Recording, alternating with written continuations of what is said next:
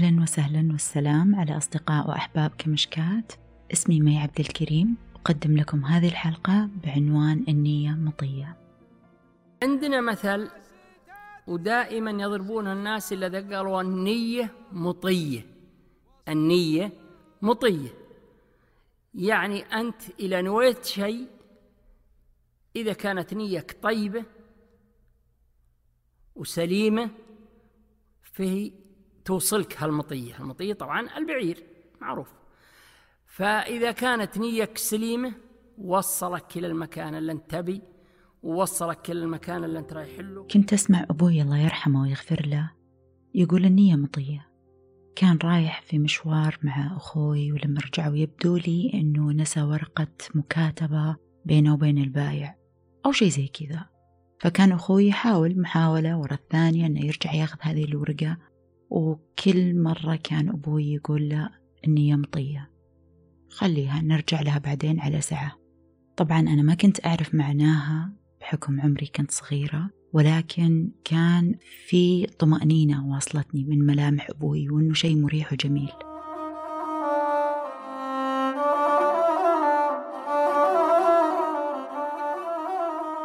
كبرت وعرفت وش هي قصة النية مطية هم كانوا اثنين أصدقاء واحد تاجر وواحد فقير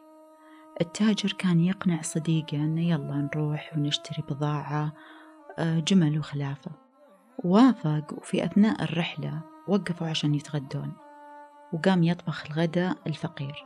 بينما التاجر كان ياخذ قيلولة لين ينضج الأكل جاء صقر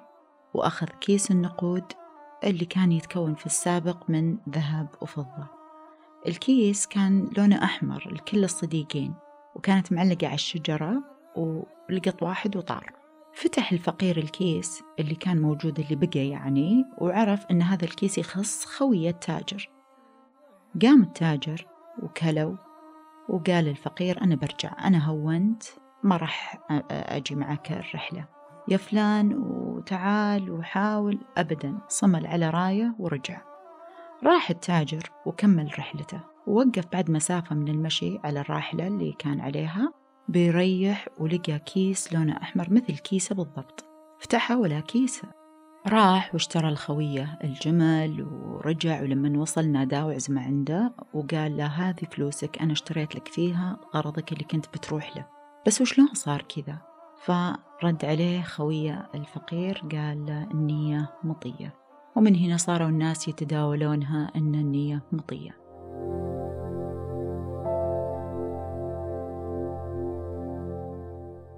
كارلوس كاستنيدا كاتب من أشهر كتبه النار من الداخل وقوة الصمت تكلم عن النية كشيء نتصل به وليست كشيء نقوم به يقول في الكون هناك قوة غير قابلة للقياس ومتعذر وصفها قوة لا تقاس ولا توصف لأولئك الذين يعيشون بالمصدر بين قوسين المصدريين تسمى النية وذلك بالتأكيد كل شيء يوجد بالكون والذي يربط بالنية من قبل وصلة اتصال والمصدريين هذول غير مهتمين بفهم وتوضيح وصلة الاتصال ولكنهم مهتمين خصيصا بتطهيرها خصوصا من تاثيرات التخدير التي جلبتها كل مخاوف العيش في مستوى عادي من الوعي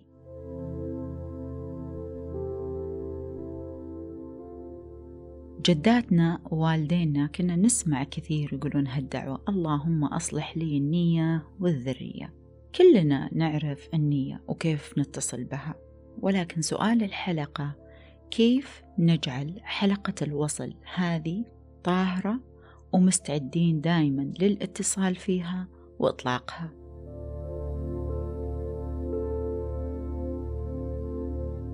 عشان نتكلم عن النية لابد نعرف وش تعريفها وأقرب تعريف وجدته هي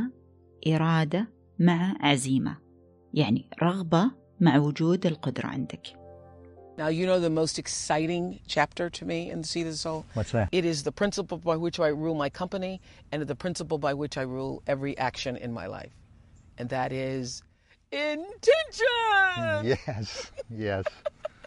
intention. Yes. That's at the heart of it. That's at the heart of creating authentic. في لقاء لأوبرا مع جاري زوكاف مؤلف كتاب موطن الروح تقول أكثر تشابتر شدني وعلمني كيف أدير مؤسستي وكيف آخذ أي أكشن هو شابتر النية والكاتب يقول هي قلب القوة الأصلية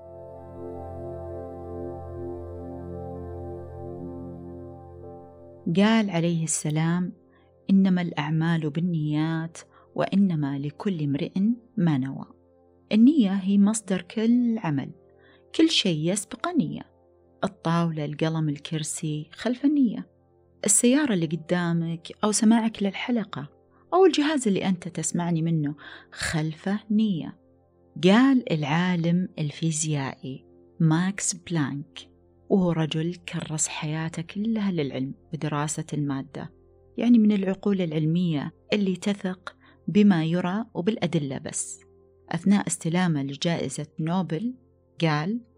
أستطيع أقول لكم لا وجود لمادة كل المواد تنشأ بسبب قوة تجلب الذرة لذبذبة أو تردد يجب أن نفترض وراء هذه القوة وجود وعي وعقل ذكي هذا العقل هو مصفوفة كل المواد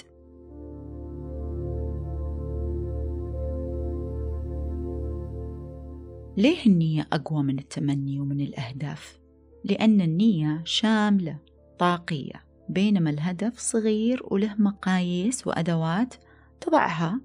لكيفية تحقيق نيتك لو أنت كنت حاط نية النية مو ميل ولا أمنية مثل ما تقول أنوي أصعد الجبل هذا بكرة إن شاء الله بينما التمني تقول أتمنى أصعد الجبل لاحظ كأنك تسمع شخص يقول ودي بس ما أقدر بالنية عندك إرادة وعندك عزيمة على تحقيق الآخر بإذن الله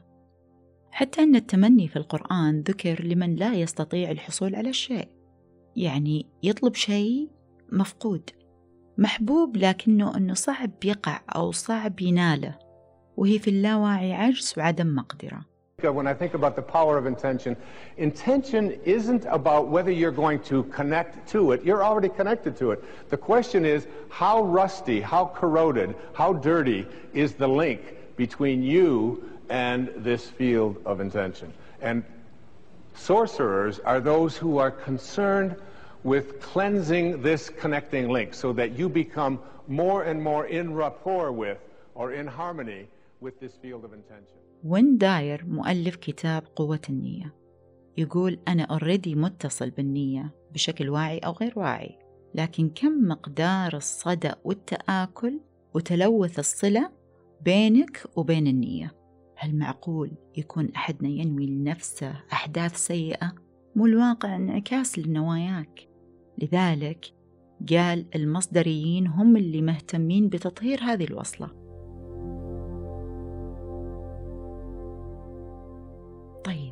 من هم المصدريين؟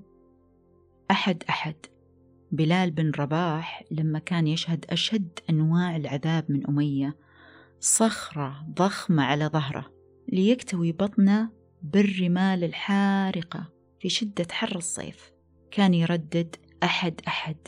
نيته ما كانت عشان ينال منصب ولا مال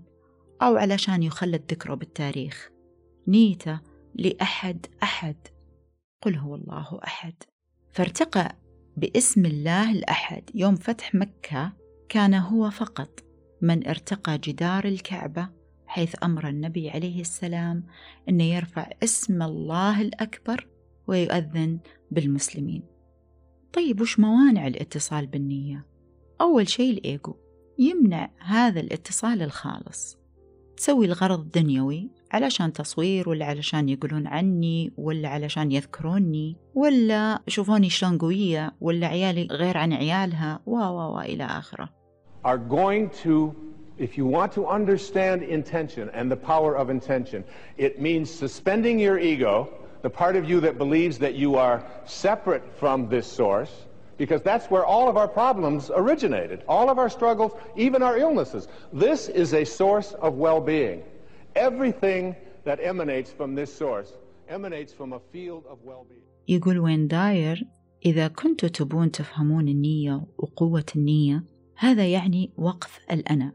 اللي هو الغرور وهذا الجزء جزءكم الذي يعتقد بأنكم منفصلين عن مصدر وجودكم هذا منبع كل مشاكلنا كل خلافاتنا كل الصعوبات اللي نمر فيها حتى المرض لأن الله مصدر الرخاء وكل شيء ينبثق من هذا المصدر من هذا الرخاء إذا أول نقطة تلغي الأنا وتعيش لتكبر اسم الله في سعيك في عملك وفي داخلك مو بأحيانا نسمع عن شخص أن هذا صافي النية أو نيته صافية القصيدة عقب ما كتبتها ولا ما تصلح لك تصلح حق يا أصالة يا نجاة الصغيرة لكن لزم عليه أخوي قال لا ما يغنيها إلا نادر بوتيلة ما أقدر أرده أقول في الأغنية صف النية أنا مصف النية لا يا دبنك صف النية الأغنية كذي الأغنية كلماتها كلماتها تقول يا نادر أنا أغابطك بعقل يا لثول الأغنية تقول صف النية صف النية أدري أطباعك ردية اسمع اسمع الكلمات اللي ما تقولها ولا يقولها أي واحد غيره كمل أخوي كمل ماكو داعي خلاص هو لازم هو يعرف ترى هو فنان يعرف الناس النقلة الثانية يقول أنت الفستق وأنا قشرة ليش ناسي ذيك العشرة صف النية وصف النية ركز على الفستق تزين القشرة إحنا نعيش في عالم من الازدواجية في يمين في يسار في ظاهر في باطن في نور وظلام في ليل ونهار في سماء وأرض في ارتفاع وانخفاض وفي يسر وعسر في سيئة وحسنة وجنة ونار آلاف الأقطاب المتقابلة علشان يتواجد قطب لابد لنظيره من التواجد هذا قانون كوني إلهي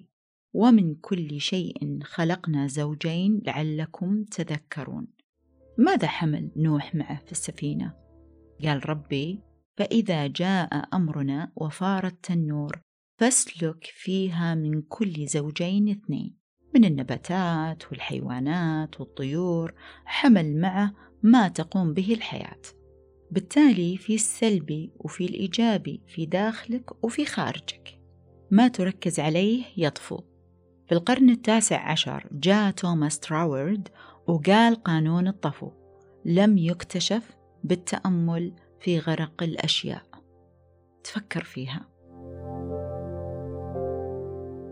وفقا لقانون الطفو إذا أردت لشيء أن يطفو فاصنع من أشياء تطفو زمان كانت السفن تصنع من خشب لأن الخشب يطفو فوق البحر الحين السفن تصنع من مواد غير قابلة للطفو ومع ذلك هي تسير فوق البحر لأن مرة حجمها كبير معناته اللي أنت تكبره وتضخمه في حياتك راح يطفو على السطح ويظهر في واقعك انتبه لما تركز عليه فقانون التركيز يقول أن اللي تركز عليه يكبر ويزداد ويتوسع في حياتك راقب نفسك إيش أكثر شيء أنت تركز عليه في حياتك؟ تركيزك الهالي هو اللي مشكل واقعك فما الجدار ولا السفينة ولا الغلام إلا ظاهر يراه البصر عندك بصر وبصيرة البصر هو الشيء اللي نشوفه أمامنا وحنا دائما مركزين عليه والقوة في البصيرة تختبئ وراء عيوننا في الداخل بل الإنسان على نفسه بصيرة تخيل أني بطلع من البيت وطاحت مني مفاتيح السيارة والكهرب طافي وقعدت أدور دقيقة دقيقتين ما لقيته وناظر ولا في نور جاي من هناك من برا وأصير مرة ذكية وأطلع برا أدور مفاتيحي لأن في نور برا وتجي جارتي وتقولي شو تسوين أقول والله أدور مفاتيحي وتقعد تدور معاي وتحوس بعد دقيقة لحظة أنت وين ضيعتيها؟ وين طاحت؟ أقول بالبيت تقول طب تعالي ندور جوا البيت بالضبط هذا اللي يصير لما تجي لنا أي مشكلة أو واقع ملخبط أو نوايا ما تحققت نروح برا ونحوس من جديد في مكان خارج أنفسنا نبحث ونبحث والحل في الداخل والجميل أن الإنسان ما يقدر يركز بشيئين بوقت واحد فتركيزه على الشيء الإيجابي يغلب السلبي لأن طاقة الإيجابي أكبر عليه السلام قال والله لن يغلب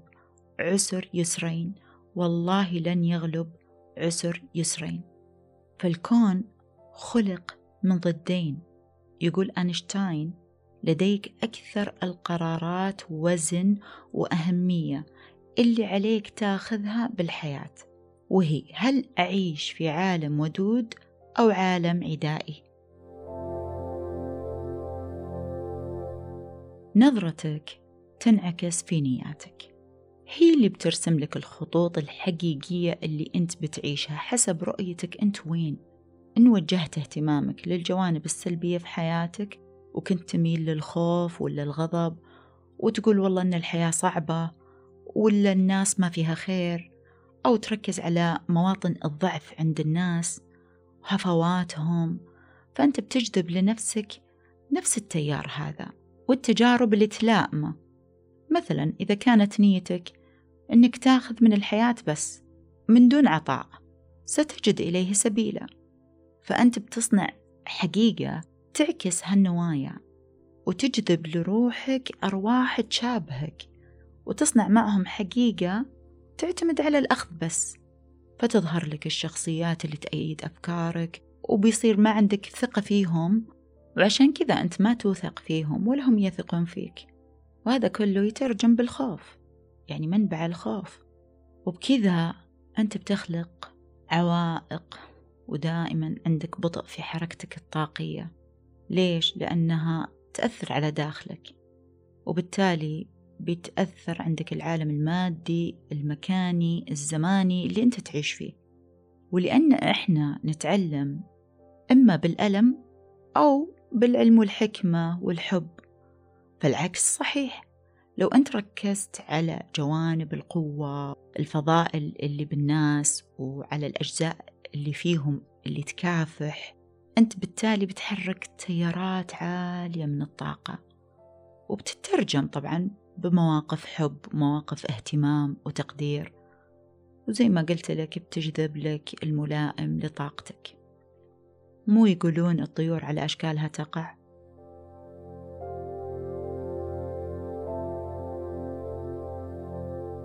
إذا هي دائرة كارمية شخصيتك تولد طاقة بعدين تخلق النية المناسبة لها بعدين بتظهر لك التجربة في الواقع اللي أنت عايش فيه اللي بالطبيعي بيجي منها رد فعل وهكذا تدور حتى الأرض اللي إحنا عايشين عليها تدور حول نفسها وحول الشمس آه خلينا نسميها مثلا مصرف تداول طاقي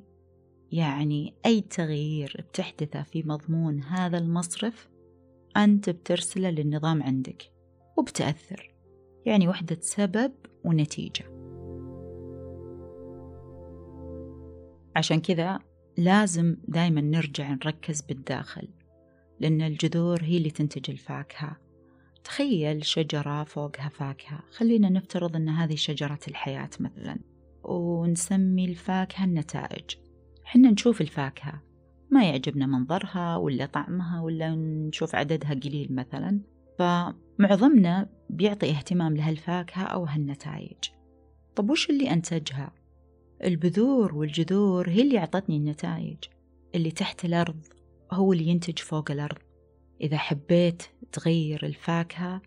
عليك بتغيير الجذور أول إذا أردت تغيير ما هو مرئي عليك بتغيير ما هو غير مرئي الداخل الداخل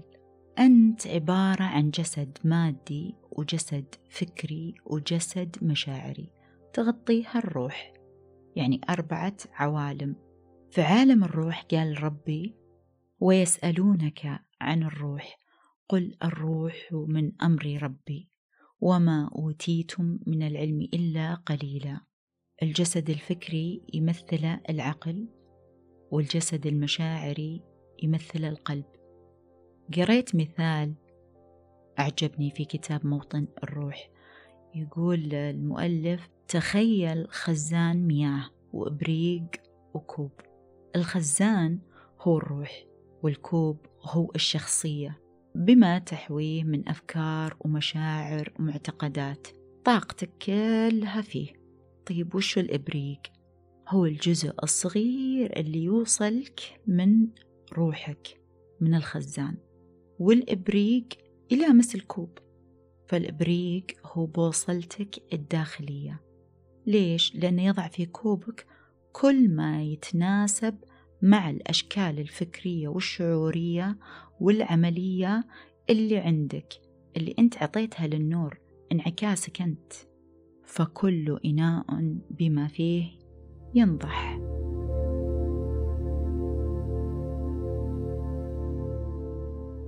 إذا سماتك الشخصية تنعكس على نياتك تتمثل بالمعتقدات والمشاعر عندما تغير طريقة نظرك للأشياء فإن الأشياء اللي تنظر لها تتغير المعتقدات المعتقدات اللي تبرمجنا عليها من صغرنا هي أفكارنا اللي تبنيناها لفترة من الزمن وصارت معتقد دفين بالداخل بنيناه طوبة طوبة إذا وعي المعتقدات يؤدي إلى وعي النيات طب كيف؟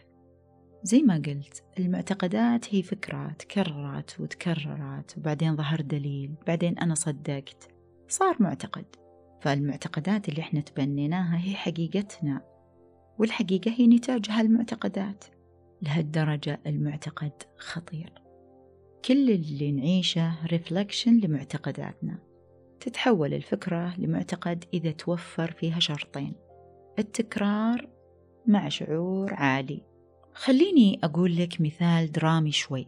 عندك فكرة من الصغر أنه ما في صديق بهالزمن يصير كل ما غدر فيك هالصديق تصدق ويظهر آخر ويتصرف معاك بنفس الطريقة وتصدق أكثر وأكثر ودليل ورا دليل ورا دليل وفكرة تتكرر فيصير معتقد عندك وتظهر المواقف اللي تشبه المعتقد ويمكن يكون عندها عشر صديقات زينات وثنتين بس اللي لا فخلاص هي ما عاد تشوف إلا بهالنظارة هذه مركزة على هالثنتين فتلونت طاقتها بهالمعتقد وبالتالي ما تشوف إلا اللي بداخلها ويتشكل بواقعها سو so, قيس على كم المعتقدات اللي احنا نعيشها في الحياة مثلا الحياة صعبة الحياة سهلة على الصحة على الجمال على المال حتى التربية والوظيفة مثلا في ناس تقول لك والله ما في وظيفة إلا بواسطة فلك ما تعتقد طيب من خطورة الموضوع هل نقدر نغير المعتقدات؟ في نقدر طبعا لأن معتقداتك هي حقيقة أنت صدقتها بورهيف شخص محكوم عليه بالإعدام جاء له علماء وقالوا له أنت ميت ميت خلينا نسوي عليك ذا التجربة ومنها أن ينذكر اسمك بالتاريخ ويمكن حتى نعطي تعويض مادي لأهلك بس ترى هالتجربة تؤدي للموت فقال طيب قالوا له إحنا بندرس تأثير سحب الدم على الإنسان وش اللي توقف أول فيه قعدوا على كرسي وجابوا أجهزة النبض الدماغ إلى آخره كلها وبدأوا يسحبون من الدم بدت عليه علامات الشحوب الذبول بعدين شوي اصفرار آه، شوي قلب الموضوع هلوسة إلين ما فعلا مات المفاجأة إنهم ما سحبوا ولا قطرة دم سووا له وهم سولدات طبية مشوا فيها شوي سايل كذا نفس درجة حرارة دمه ويعني صار عنده دليل مادي حتى جسمه صدق بينما هي فكرة صدقها بأدلة وتفاعل معاها لين الموت طيب معروف أن الأفكار تأثر بالمشاعر ومثل ما أن وعي الأفكار يؤدي لوعي نياتك نفس الشيء المشاعر تؤدي لوعي النيات فالحالة الشعورية هي طاقتك طاقة حياتك كل شيء بالكون له طاقة النبات له طاقة والمكان والأكل حتى النواصي والأقدام فلذلك انتبه لطاقتك وارفعها في وسيلة لرفع الطاقة المشاعرية اللي جربوا سحر الامتنان لله وشكره يعرفون قيمته تشكر ربي على اللي عندك تناظر اللي عندك أنت لأن هذا يعطيك وفرة حتى أكثر ومشاعرك ترتفع معه والعطاء العطاء قريت جزئية رهيبة عن قانون العطاء يزداد السيروتونين وهو هرمون في الجهاز العصبي بالجسم وشغلته ينظم المزاج مسؤول برضو عن الشقيقة آه، الصداع النصفي اللي يجي لبعض الناس مسؤول عن السعادة الطمأنينة آه، النفسية فمثل الجرعة الطبية حتى أن أدوية الاكتئاب تشتغل على هذا الهرمون في الجهاز العصبي فيقول لك أن بقدر عطائك يتقوى جهازك المناعي يعني قد ما تعطي يرتفع عندك هذا الهرمون قال عليه السلام داووا مرضاكم بالصدقات العطاء مو بس فلوس قد ما نرسم ابتسامة للآخر دعوة بظهر الغيب قد ما يفرح المتلقي بعطائك قد ما أنت أساسا قاعد ترسل لنفسك ارتفاع بهذا الهرمون قال الله سبحانه وتعالى وما تنفقوا من شيء فلأنفسكم ومن أهمية آه، المشاعر أنها هي مقياس لمعرفة النية الأقوى عندك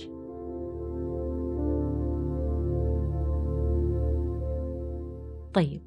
قانون الكون يقوم على الأضداد تمام؟ علشان كذا نشأت عندنا نية خلاقة في الواعي وفي اللاواعي فعملية خلق النية داخلك هي تنشأ كل لحظة كل كلمة أنت تتفوه فيها تحمل في ذاتها وعي بالتالي هي نية بتعطي طاقتك شكل وتأثير ويقولون أبو نية غلب أبو نيتين تسمعون هالمثل شلون يكون عندي نيتين بوقت واحد؟ الأولين يعرفون ذلك بالفطرة وجود نيتين متعاكستين ومتناقضتين عندك وما انت واعي لها بيكون النصر للأقوى منها ولازم تحسم بينهم لأن بيكون عندك ضغط كبير مرة يولد قلق اضطراب تشتت لو ما قدرت تحددها بوعي مثلا بقول لكم مثال من خلال مقياسك المشاعري أنت تشوف التناقض بين نيتك والمشاعر اللي ترافقها يعني مثلا عاقد النية على الزواج تجيك مشاعر ألم بدال الطبيعي هو الفرح وهذا يدلك أن في نوايا داخلك أنت ما تعرف وجودها باللاوعي طبعا عشان تعدل هذه النقطة ترجع للمعتقدات آه، اللي في الجذر أو إذا كانت عندك نية أنك تتقدم مثلا لوظيفة فيجيك شعور حزن مبرضة في الأعماق هذا الحزن شيء يرشدك لنية آه، مناقضة تجهلها ومن قوة عمل النية لو حددتها بوعي إذا كان عندك مثلا نية إصلاح علاقة زوجية قال الله سبحانه وتعالى إن يريدا إصلاحا يوفق الله بينهما يريدا يعني تكون إرادتك قوية ونيتك للإصلاح تبدأ تظهر قدامك مناظير جديدة تفتح لك هالنية السماح آه، أنك تشوف طريقة الشريك أو الشريكة بتعبيرهم عن الحب بطريقتهم إذا كان هذا الحب أساسا موجود وإذا غير موجود برضو هذه النية بتشتغل لأنها بتسمح لك تشوف الانسجام واللي ممكن نغيره في العلاقة إذا كان برضو التغيير ممكن أما لو كانت نيتك معقودة على انهاء العلاقه مثلا تبدا عندك المشاعر هي اللي ترشدك تزيد عندك مشاعر عدم الرضا وما الى ذلك اذا انت تحدد نيتك من خلال مشاعرك بوعي وهذا المخرج الفاصل عشان تفصل بين النيتين فهذا الفرق بين الواعي وغير الواعي الوعي يا جماعه باختصار شديد هو انك تكون مراقب لذاتك تفعل اسم الله الرقيب فيك طيب هذه الدينامية الخلاقة للنيات نظرتك وتركيزك وسماتك الشخصية كل هذه الثلاثة تنعكس في نواياك تشكل تدفق الروح في الشخصية وتدفق الطاقة في المادة محور خلقنا واسطورة الجنة هل ستخلق الجنة أو خارجا متمردا نختار كل يوم كيفيه خلق حقيقتنا وهذا هو التحدي اللي يواجه الانسان هل بتكون خلاق بتهيب او باهمال بالحالتين انت بتخلق نواياك فولي وجهك قبله ترضاها تطور الأرواح اللي أنت اشتركت معها في هالحياة إلى قيام الساعة بينكشف النقاب عن خفاياها وبينتفي الغموض عنها وبتظهر النوايا رب القلوب ينظر للقلوب قال ربي إلا من أتى الله بقلب سليم ليه ربي عظم النية يكاد لا يوجد كتاب لعالم في العبادات إلا وكان هذا الباب هو الباب الأول اللي يناقشه لأن الله يبي قلبك حاضر استحضارك النية قبل الوضوء ومحلها القلب آه، النية هي أم العبادات ما تحتاج لأي عبادة ولكن كل العبادات تحتاج لهذه العبادة قال عليه السلام إن الله لا ينظر إلى صوركم ولا إلى أجسادكم ولكن ينظر إلى قلوبكم وأعمالكم وفي رواية ينظر إلى نياتكم وأعمالكم تأمل معي طريقة الطواف تطوف حول الكعبة لعقد نية حول مركزية الله وبعد ما تنتهي تذهب للسعي هو تدريب ووعي المركزية في كل شيء نفعله وتذكير أن النية قبل السعي قل إن صلاتي ونسكي ومحياي ومماتي لله رب العالمين لا شريك له وبذلك أمرت وأنا أول المسلمين لكل ما تفعله ما هو مركزيته قبل أنك تسعى لفعل أي شيء واجب أن يكون مركزيته الله علشان يكون تسبيح لليسر فأما أن يكون ربي في المركز بتنفتح لك وتتيسر أنت لليسر في فعلك أو أن يكون الله خارج المركز والمسار وتتيسر للعسر من كانت نواياه محصلة الدنيا قبل الآخرة ليعيد ترتيب نواياه إن سعيكم لشتى سألت نفسك قبل أي عمل تقوم فيه أنا وين رايح وليه وش نيتي إذا وصلت لأول استراتيجية في النية وهو الاتصال بالله ولله تأكد بيكون ربي معاك في الاتجاه اللي أنت اخترته بجوارك فتحصل لك معجزات التيسير ومن جمال النية بعد إنها تقلب عاداتك اليومية لأعظم العبادات ربي يعطي بالنية الأجر حتى من دون العمل يكفي بس حضور قلبك قال عليه السلام من أتى إلى فراشه وهو يريد أن يقوم يصلي فغلبته عينه كان له أجر ما نوى وكان نومه صدق عليه من ربه والنية بعد تصلح اللي أفسد عملك إبراهيم النخاعي يقول إن الرجل لا يتكلم بالكلام عليه المقد لا ينوي به إلا الخير فيلقي الله العذر في قلوب الناس فيقولون والله ما أراد إلا الخير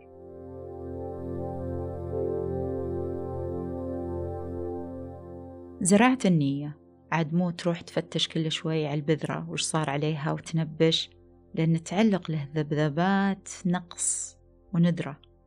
لو أحد متعلق فيك مثلا طول الوقت بتنفر أكيد وتنزعج منه فاعقلها وتوكل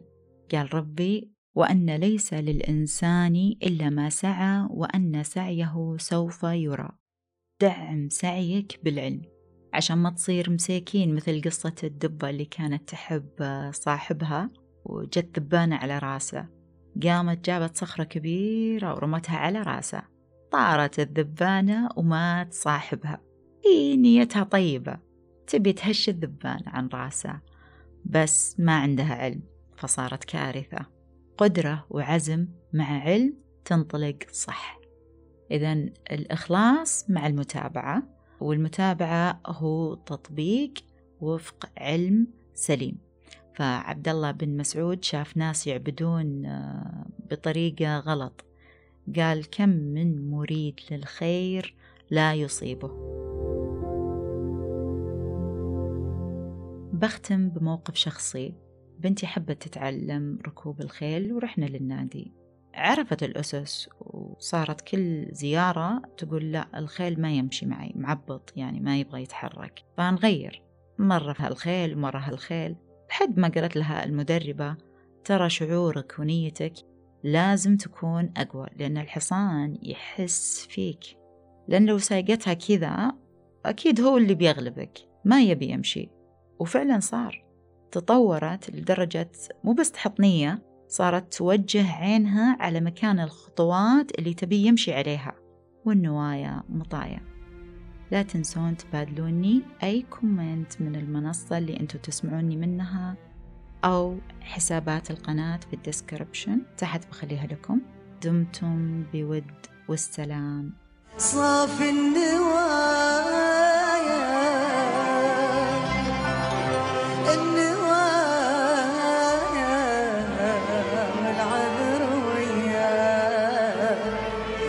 العذر وياي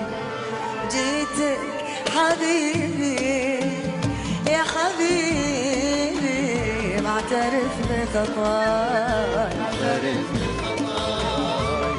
وصافي